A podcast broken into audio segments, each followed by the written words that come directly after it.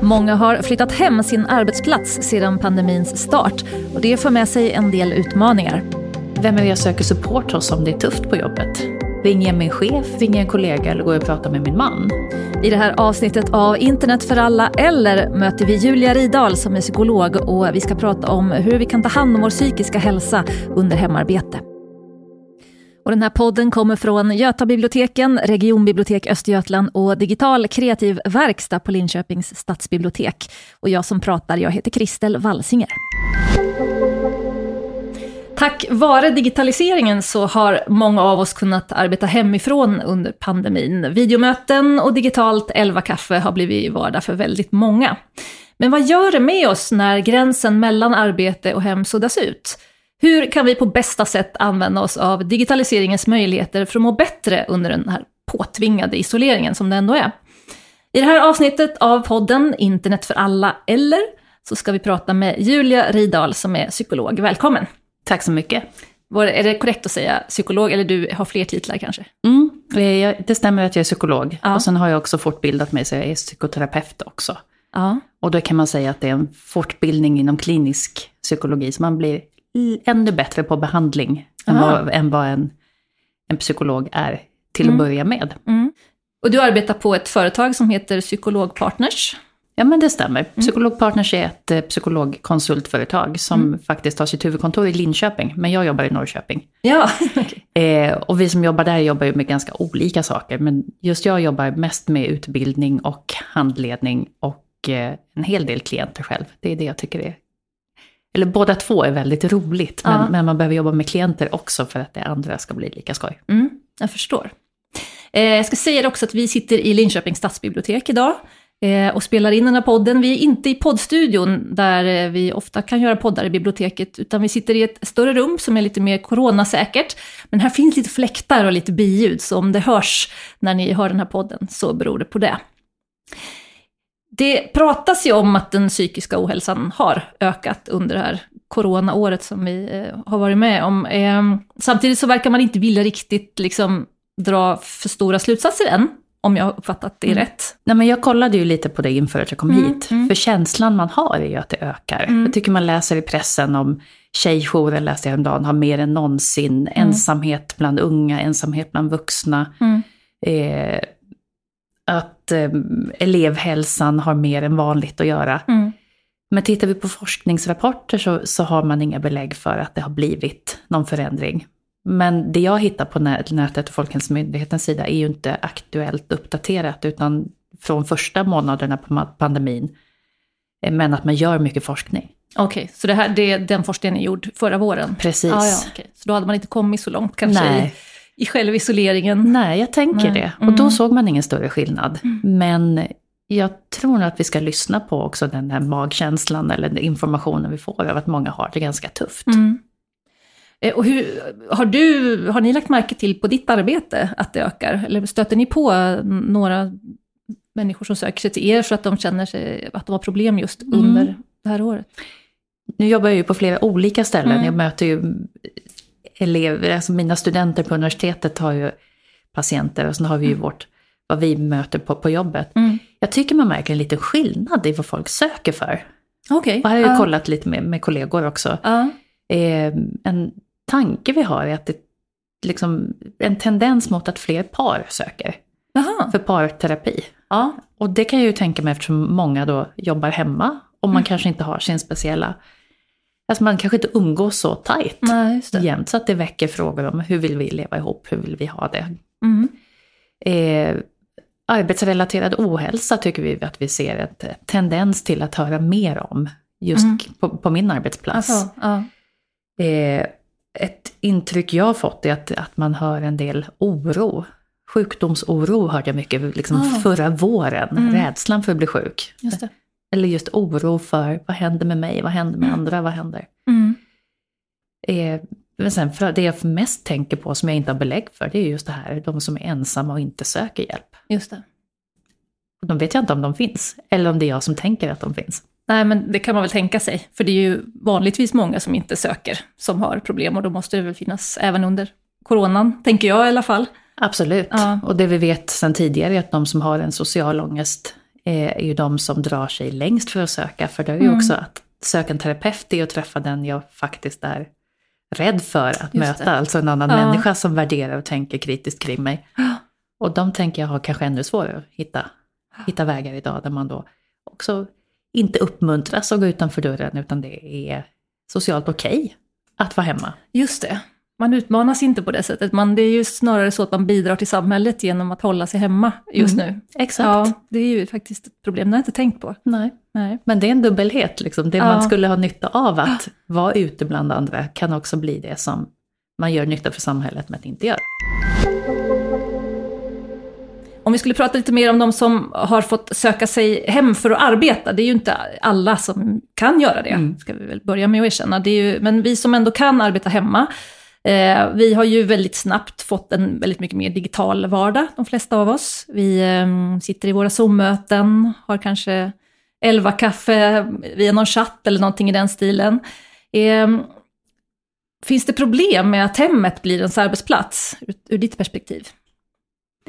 Men jag tänker att det både är problem men också styrkor. Mm. Eh, om vi börjar med det som jag tror kan vara bra. Mm. Är ju att det, det öppnar, öppnar upp för en flexibilitet i vardagen som vi inte har när vi går klockan sju och kommer hem klockan 17. Eh, vi kan passa på att träna en stund mitt på dagen. Mm. Eh, vi kan anpassa tiderna hemma på ett sätt som, som man inte är van vid att kunna göra på jobbet. Mm. Jag tänker bara på hur det såg ut i våras när det pratades i alla fall mycket om att folk renoverade och städade, man hade fint hemma. Mm. Eh, men jag tror att en nackdel, alltså det är en fördel det när vi kan styra vår vardag, det vet man ju från forskning tidigare kring stress. Eh, det, det som är mest stressande i arbetslivet är när jag inte kan styra min egen vardag.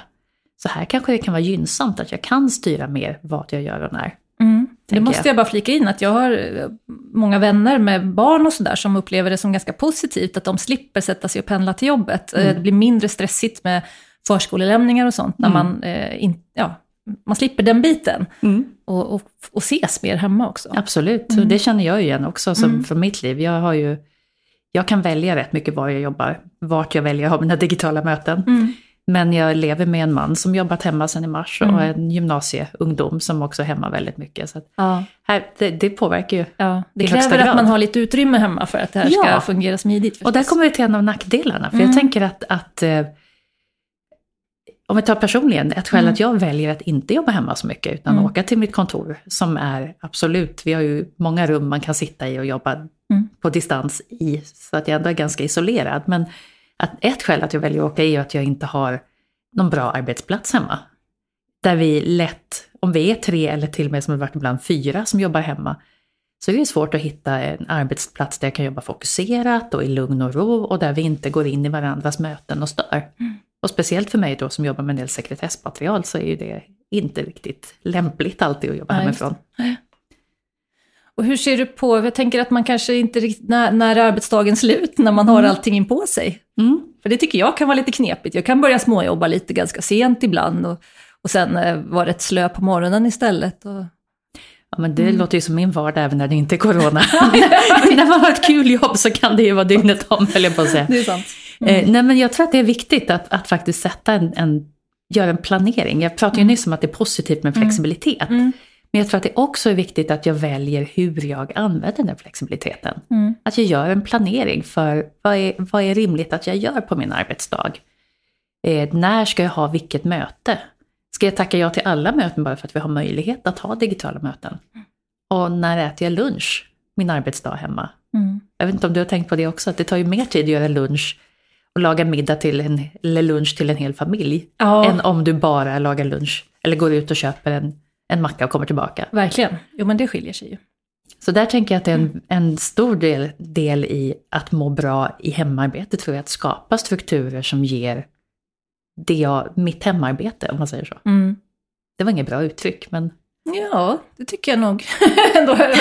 Vi förstår vad du menar, tycker jag. Ja, och också precis som du var inne på, bestämma sig för när börjar min arbetsdag? Ja. Och när slutar den? Mm. Och jag kanske väljer att ha min arbetsdag från sju, när de som går hemifrån går hemifrån, till mm. 17 när de kommer hem. Mm. Men lägga in ett par träningspass under dagen få chansen att komma ut och eller ett par träningspass, det lät intensivt, men gå ut och ta en promenad. eller, eller gå ut och skotta snö om det behövs ja. innan, mm. innan mitt elva kaffe. Mm. Så att jag planerar in min, min återhämtning, min vila i arbetsdagen också. Mm. Men det tror jag många med mig har jag märkt när man läser uppdateringar eller kollar på sociala medier, så är vi ju ute och promenerar väldigt, väldigt mycket. Mm. Alltså man, man väl lägger in sin, och det kanske bara är 20 minuter på förmiddagen. Istället för att gå till jobbet så går man mm. En runda och sen så går man hem igen mm. och, och börjar, börjar dagen. Liksom. Mm. Jag tror det är jätteklokt mm. tänkt. Mm. Och få in den vardagsmotion då som, som vi annars skulle fått när vi gick till eller från bussen. Och eh, vi har ju också alla dessa videomöten då, när kameran står på och mitt hem blir plötsligt någonting för alla att titta in i. Mm. Eh, är, är det bra att min, min hemmayta blir offentlig på det sättet?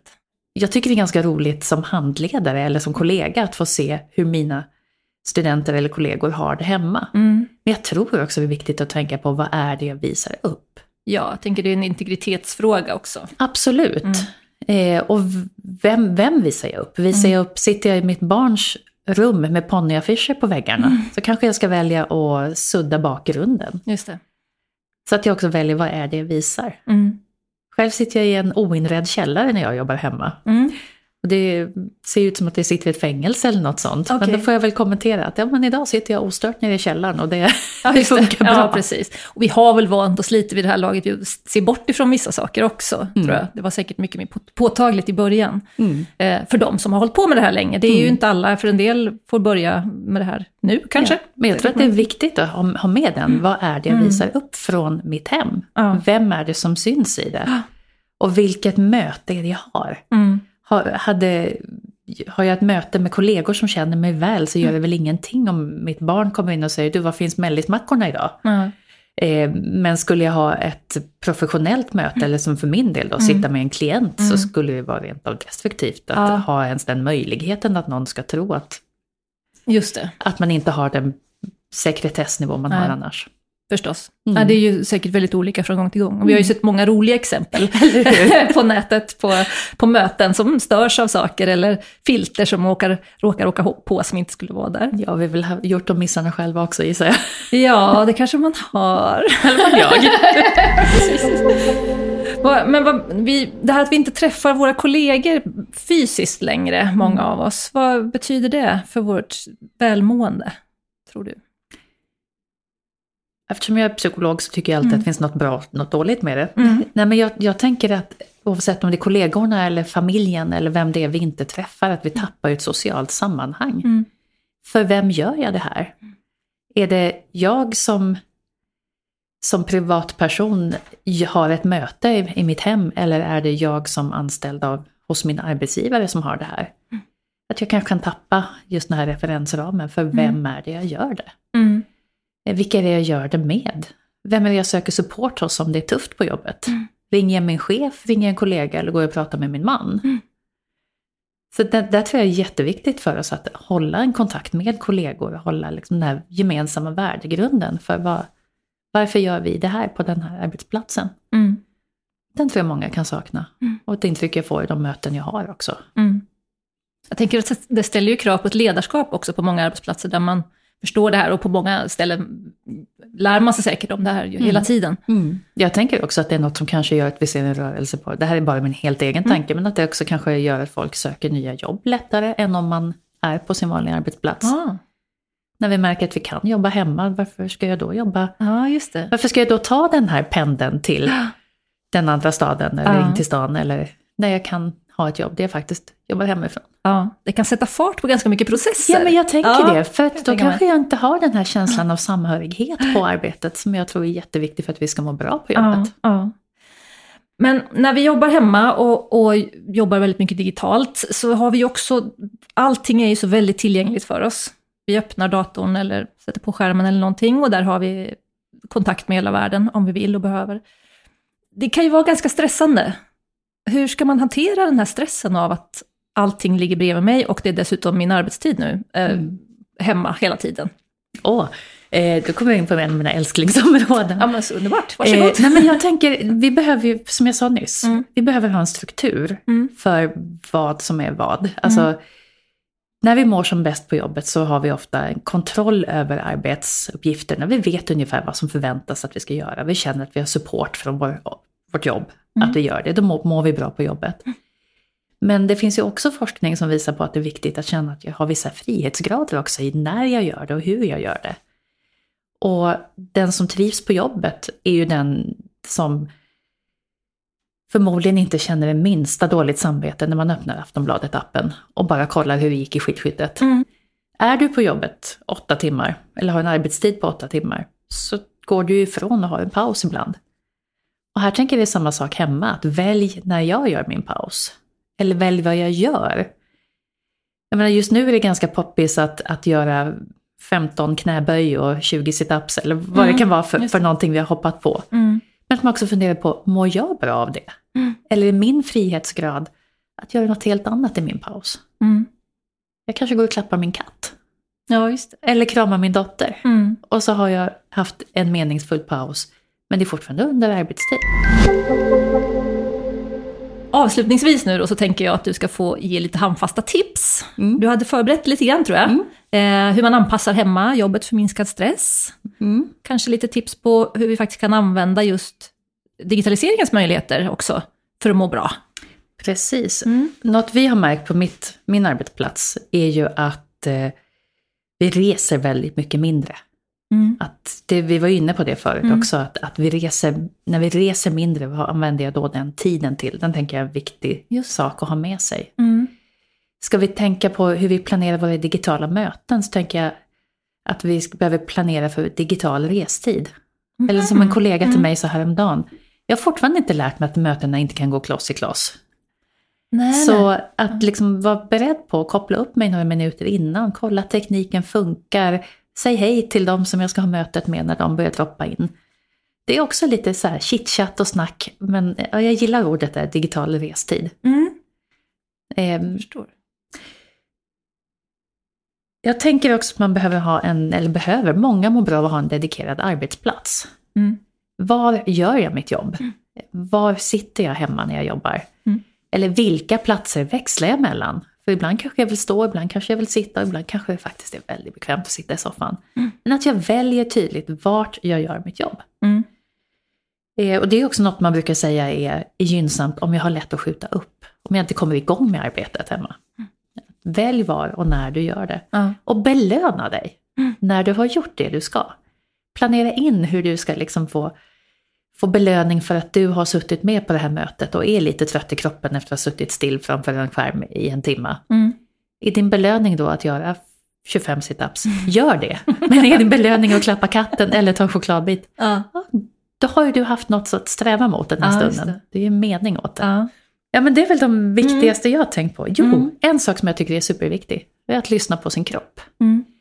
Och här tänker jag också det här när vi jobbar hemma, som du var inne på med, mm. med att, att vi inte rör oss och får vardagsmotionen, mm. så vet vi också att eh, att röra på sig är en skyddsfaktor för att inte må dåligt psykiskt. Mm. Ju att, att de flesta av oss gynnas av att röra oss, att ta en promenad, att gå ut när det är ljust. Men kanske också verkligen göra en dedikerad promenad. Inte en promenad som jag går ut och grubblar över jobbproblem, utan jag tar en medveten promenad och går ut och lyssnar på fågelsången nu på mm. våren och jag hör på kvittret och jag tittar på vilka färger som är just idag. Mm.